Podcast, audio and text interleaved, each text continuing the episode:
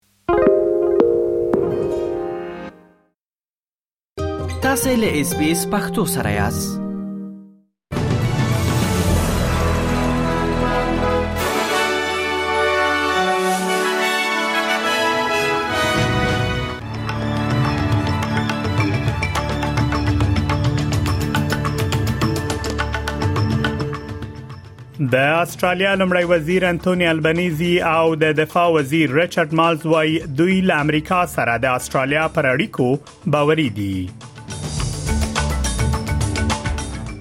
د متحده ایالاتو د پینټاګون چارواکي وایي نړۍ په ژوره توګه د پوتین لخوا د شپږ دیش ساعت اوربند په اړه شکمنه ده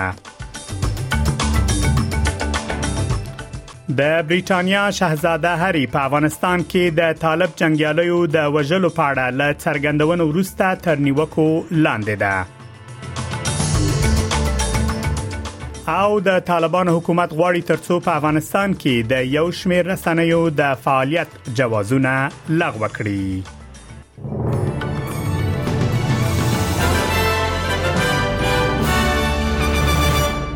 اوس هم پام وکړئ بشپړ خبرونه ته سره لدی چې د متحده ایالاتو یو شمیر چارواکو استرالیا ته د اوبو لاندې اتومي کښتیو د لیګلو پر خلاف مشوره ورکړي د دغه هیواد لمړی وزیر انټونی البنيزي او د دفاع وزیر ریچارډ مالز وايي دوی له امریکا سره د استرالیا پر اړیکو باوري دي د متحده ایالاتو د سنا د وسلوالو خدماتو کمیټې دیموکرات رئیس سناتور جکریټ او جمهوریت غوښتونکي سناتور جیمز انهوف ولسمشر جو بایدن ته یو لیک لیکلی دی او ویلي دي چې دا ډول اقدام کولای شي د دوی خپل بیړۍ او ملي امنیت له خطر سره مخ کړي د دفاع وزیر ریچارډ مالز وایي د امریکا انګلستان او استرالیا هیوادونو د اتحاد غړي ټول په دې هڅه کې دي ترڅو دغه هڅه بشپړې شي هغه وایي په حقیقت کې د متحده ایالاتو انګلستان او استرالیا ترمنځ د ماموریت ګډ احساس شتون لري ترڅو استرالیا دغه وړتیا ترلاسه کړي نو موړی زیاتوي چې ډېر ننګونې شتون لري او په دې کې شک نشته چې د متحده ایالاتو او انګلستان په صنعتي اړه باندې دا فشارونه واقعا شتون لري او دوی له دې څخه خبر دي There really is a shared, shared sense of mission between the United States, the United Kingdom, and Australia in seeing Australia acquire uh, this capability. But there are lots of challenges, and there's no doubt that the pressure this places relies on the industrial base of the United States, also the United Kingdom, is really significant. We're very aware of it. It's why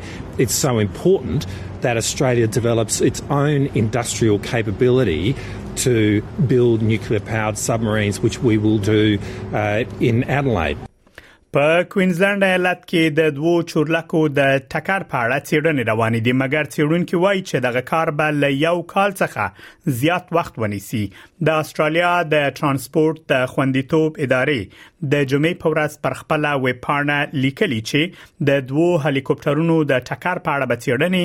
د 2024 کال د جولای او سپټمبر میاشتو ترمنځ پای ته ورسیږي د استرالیا د پلټنې د ملي ادارې د 2019 کال ریپورت کې موندل شوی چې د تحقیقاتو د موثریت پر موخه د پیچلو پیښو څېړنې په منځني ډول تر 19 میاشتو پورې وخت نیسي ترڅو د هغو ریپورت برابر شي تیرونی د کوینزلند ایالت په ګولډ کوست ښار کې د دوو الوتکو په ټکر کې څلور کسان مړه او یو شمېر نور ټپيان شول لومړني راپورونه ښیي چې دغه ټکر هغه مهال رامنځته شو چې یو الوتکه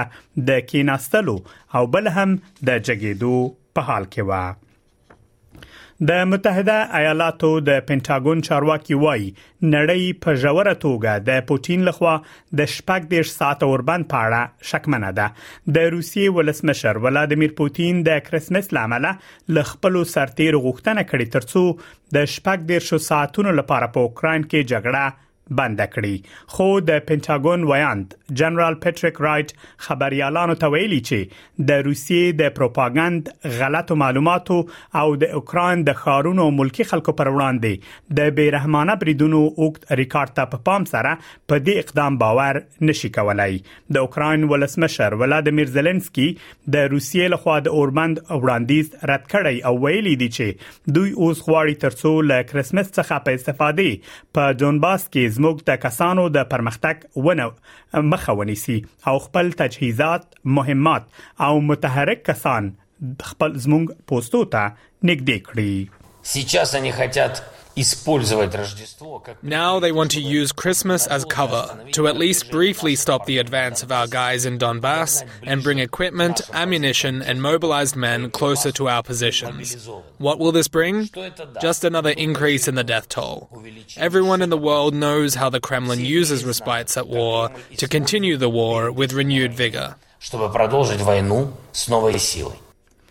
د بریټانیا شهزاده هري په افغانستان کې د طالب جنګیالیو د وژلو په اړه له څرګندونو وروسته تر نیوکو لاندې راغلی دی شهزاده هري چې د اپاچي چورلکې پیلوټ و په خپل کتاب کې لیکلي چې 15 طالب جنگیالي په افغانستان کې د خپل ماموریت پر مهال د شطرنج د دانو په څیر پنکه کړي او لمنځه وړي دي د نوموړي دغه خبرې د طالب چارواکو او د بریټانیا د پوځي مامورینو له نیوکو سره مخ شوې دي د پوز پخوانی افسر ډګروال ریچارډ کیمپ بي بي سي سره په خبرو کې هغه ادعا رد کړې چې سرتيري هڅول شوی و ترڅو په هغه توګه جګړې ته وګوري چې شاهزاده هری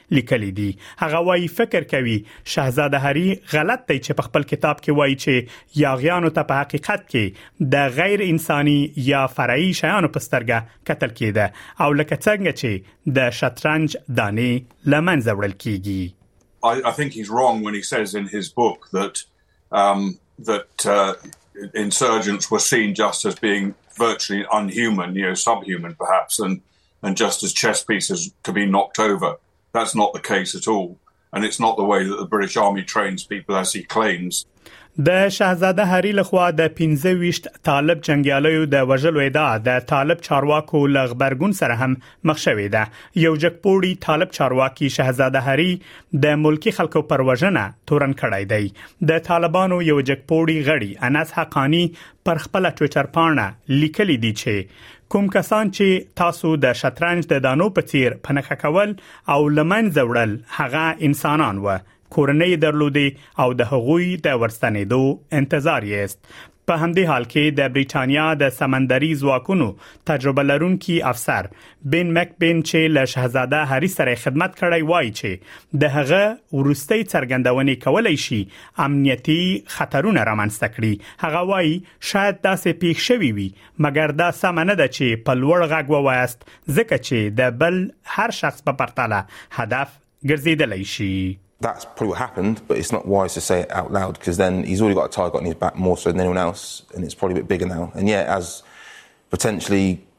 caused security risk for himself, his family, which is the last thing he needs, um, on top of all the other stuff he's got on, any, anyway, on his plate anyway.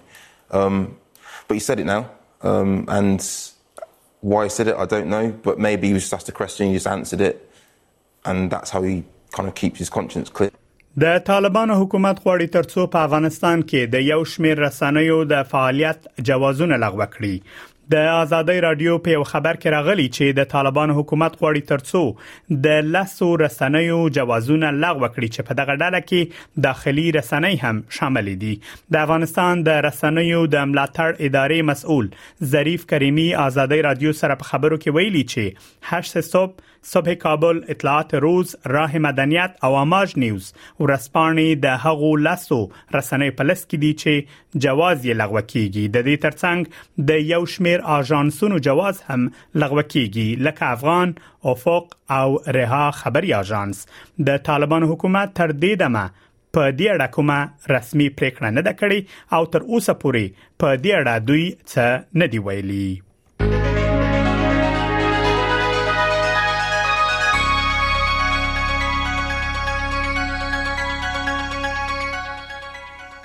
اوس هم پام وکړئ د هوا حالات ته په سېډني کې وريز د ورځې په جریان کې د باران امکان شته د تودوخې لوړه درجه 24 په ملبن کې ډیره لمر د تودوخې لوړه درجه نهویشت په برزبن کې نیمه ورځ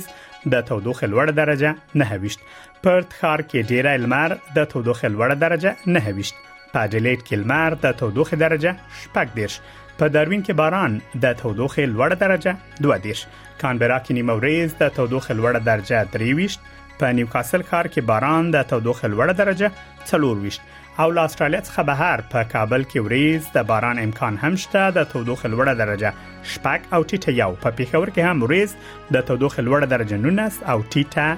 نه دا هم د استرالی ډالر پر وړاندې د نورو اسعارو بای د استرالیا یو ډالر 9.50 امریکایي سنت یو استرالی ډالر 15 شپېته یورو سنت او 50 بریټانوي پنسه د استرالیا او ډالر شپږ 50 هندیو کلدارو او یو سلو 15 یا پاکستانیو کلدارو سره برابرېږي او د استرالیا یو ډالر یو شپېته افغانۍ کیږي خبرونه هم دومره و لاملتیا مو مننه کوم